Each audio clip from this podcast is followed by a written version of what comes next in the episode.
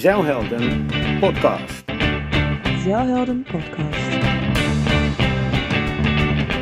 Hallo allemaal, ik ben eh, Erik de Jong en eh, dit is niet alleen mijn eerste podcast voor Zeilhelden, dit is mijn eerste podcast ooit.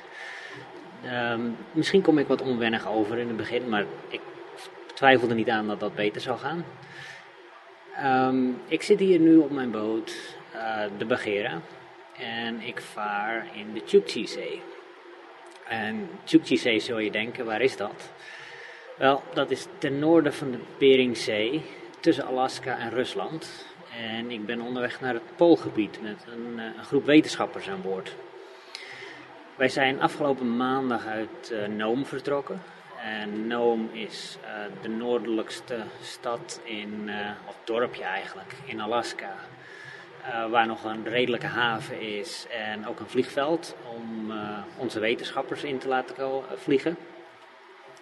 En ja, afgelopen maandag zijn we daar vertrokken. Um, niet het meest prettige weer gehad om door de Beringstraat in de Chukchi-zee te komen. Maar we zijn nu inmiddels zo'n uh, 500 mijl verder gevorderd. Bijna bij Barrow in de buurt. Wat de noordelijkste punt van uh, Alaska. En daarmee ook natuurlijk het noordelijkste punt van de Verenigde Staten.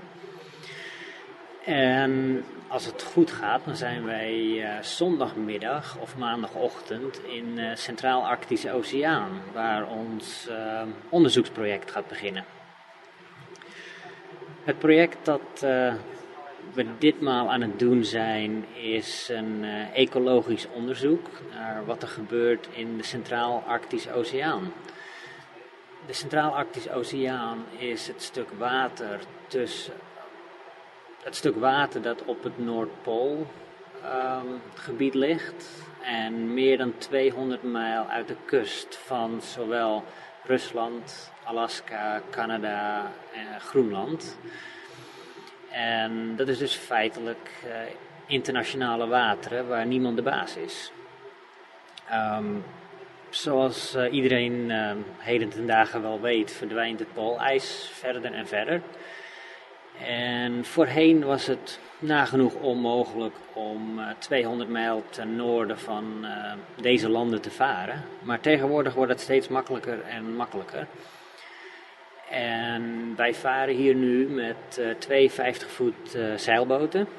En wij gaan onderzoek doen in het open stuk water waar op dit moment geen ijs ligt. We gaan onder andere kijken naar wat voor dierenleven hier voorkomt.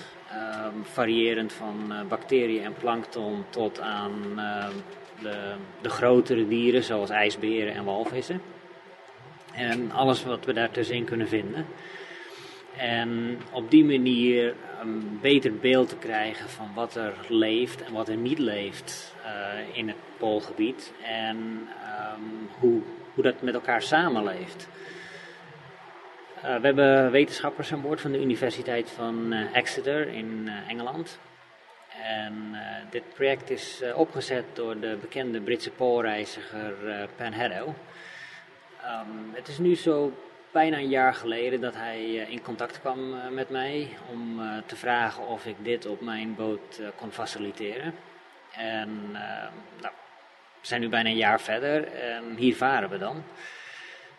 Um, Ben heeft al uh, 30 jaar ervaring in het Poolgebied en is de eerste man om solo en zonder hulp van buitenaf naar de Noordpool te lopen. En dat was terug in 2003. En gedurende die tocht heeft hij 850 uur gereisd over het ijs. Maar moest hij ook 30 uur zwemmen. En dat was um, aan het einde van de winter. Dus dan zou je denken dat de hele Noordpool bevroren is. Maar er was zoveel open water dat het eigenlijk niet mogelijk was om lopend de Noordpool te bereiken. Zo is hij op het idee gekomen om uh, te proberen dit per boot te gaan doen. En dan in de zomer. Om te laten zien hoe slecht het ervoor staat met het Noordpoolgebied. Dus deze expeditie waar we nu mee bezig zijn is uh, tweeledig. Uh, ten eerste willen we zo goed mogelijk vastleggen in samenwerking met andere onderzoekers, variërend van Engeland, Verenigde Staten, Hongkong en Japan, ehm, wat er leeft en wat er dus beschermd moet worden. Maar ook om uh, aan de mensen te laten zien hoe ver het ijs teruggetrokken is. En hoe kun je dat beter doen dan een foto van een zeilboot op de Noordpool. Dat is dus het secundaire deel, doel van deze missie. We gaan uh, proberen zo ver mogelijk noord te komen.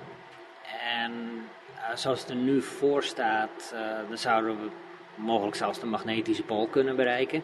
Um, op dit moment acht ik het niet heel erg waarschijnlijk dat we de geografische pool gaan halen.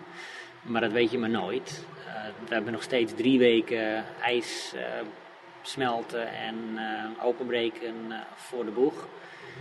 Dat betekent dus dat er nog best wel een hele hoop kan gebeuren. We zijn hier met twee boten. Mijn eigen boot, de Bagheera, en de boot waar mijn vrouw altijd op vaart, de, de Snow Dragon 2. En uh, mijn eigen boot is een, een stalen 50 voeter die speciaal ontworpen en gebouwd is voor dit soort ondernemingen. de boot heb ik zelf ontworpen toen ik nog maar 16 jaar oud was. Ik ben begonnen met bouwen toen ik nog op de universiteit zat en ik was toen 22.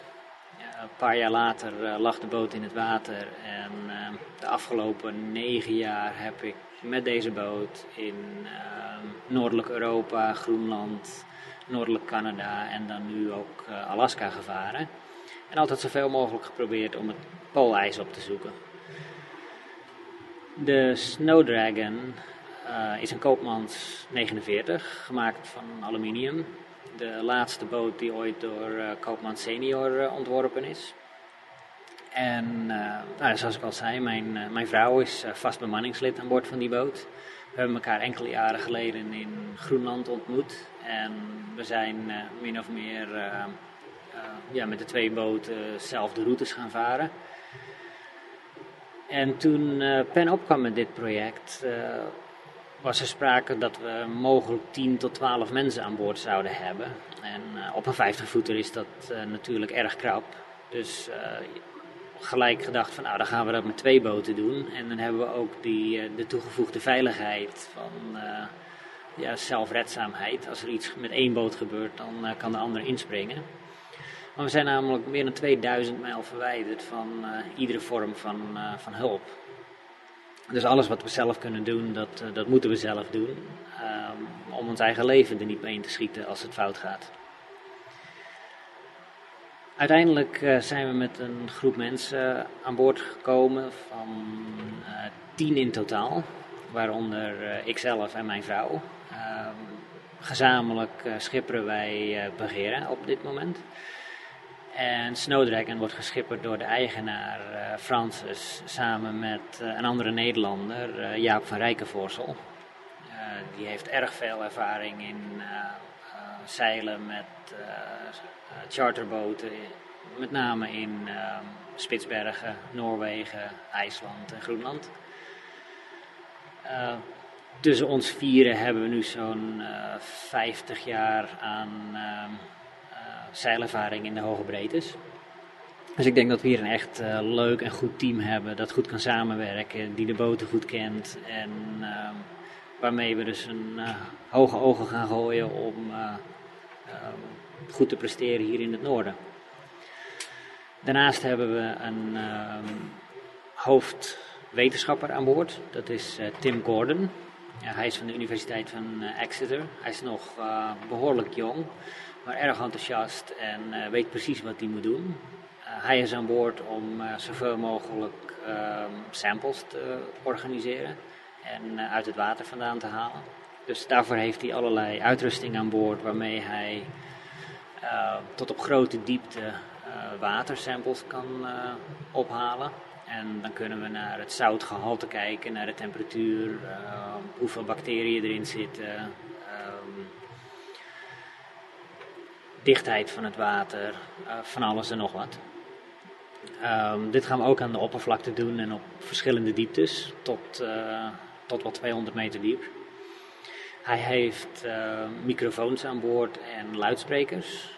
De microfoons die zijn voornamelijk bedoeld om ehm, de geluiden van walvissen en andere zeezoogdieren op te pikken. En de andere kant van hetzelfde experiment, dan hangt hij een microfoon 200 meter achter de boot aan een drijvend object. En dan gaan we heel langzaam varend vooruit uh, met een luidspreker nabij de boot, ook onder water. Om op die manier te zien hoe geluid gereflecteerd wordt door het ijs wat op de, op de zee drijft. Dus deze experimenten gaan we doen in zowel open water als nabij drijfijs, als uh, zo diep mogelijk in het pakijs om op die manier een idee te krijgen hoe de walviscommunicatie ehm, um, beïnvloed wordt door ijs. En of er dus eventueel um, risico's voor de walvissen zijn om, uh, uh, ja, met betrekking tot drijfijs wat uh, langzaam aan het verdwijnen is. We trekken ook planktonnetten achter de boot aan. Uh, niet de gedurende de hele tocht natuurlijk, maar uh, zo nu en dan uh, gaat ze overboord. En dan die samples die worden met chemicaliën geconserveerd. En die gaan dan in flesjes en die worden later op de universiteit, diverse universiteiten onderzocht.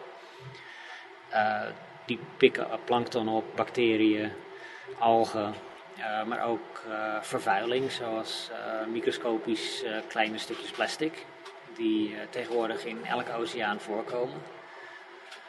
En dit zijn onderzoeken die nog nooit in de Centraal-Arctische Oceaan gedaan zijn. Dus dit is werkelijk baanbrekend werk waar we mee bezig zijn. Tim Gordon die wordt geassisteerd door Heather Boucher. zij is een goede vriend van ons in Alaska. En zij is aan boord als biologe en assistent wetenschapper. Zij gaat onder andere tellingen doen voor de hoeveelheden vogels die we onderweg gaan tegenkomen en hoe gezond ze zijn, voor zover we dat kunnen onderzoeken. Ehm, ze kijkt ook naar andere vormen van wildleven, welke aantallen, hoe groot zijn de groepen, ehm, gaan ze ergens naartoe, zijn ze goed gevoed of niet. En dat gezamenlijk gaat ook in het archief van diverse onderzoeksinstellingen. En op die manier hopen we om een beter beeld te krijgen van, uh, van vogeltrek. Dit alles dat wordt vastgelegd op zowel film als op foto. Dus als fotograaf hebben we de bekende fotograaf Conor McDonald aan boord. Um, die heeft echt op dit moment al fantastische foto's gemaakt. Dat had ik zelf nooit kunnen doen. Uh, we hebben ook een uh, cameraman aan boord, die normaal gesproken bezig is met het vastleggen van um, Extreme 40 katamaranzeilen en vergelijk, vergelijkbare wedstrijden. Zijn naam is Taggart Cartwright. En dan als laatste hebben we nog Nick aan boord. Hij is de scheepsarts. ook omdat we zo ontzettend ver weg gaan van de bewoonde wereld het zou zelfs een week kunnen duren voordat het dichtstbijzijnde schip bij ons is. Ver buiten het bereik van helikopters. Dus de enige hulp die we zouden kunnen krijgen is van de kustwacht die met een vliegtuig overvliegt om iets naar beneden te, te gooien richting de boten. Landen is uiteraard niet mogelijk. daarvoor vonden wij het noodzakelijk om een dokter aan boord te nemen voor het geval er iets persoonlijks misgaat. En die dokter, dat is uh, Nick geworden. Hij, is een, uh, hij heeft al 30 jaar ervaring met uh, vrij extreme ondernemingen. Hij is 30 jaar bij de Engelse luchtmacht geweest. En heeft inmiddels al zo'n 60.000 mijl op diverse Arctische en Antarctische tochten gevaren. En um, hij is een goede aanvulling voor uh, het lopen van wachten. En hij is een goede kok. En uh, ja, een goede aanvulling voor aan boord. Zeilhelden podcast. Zeilhelden Podcast.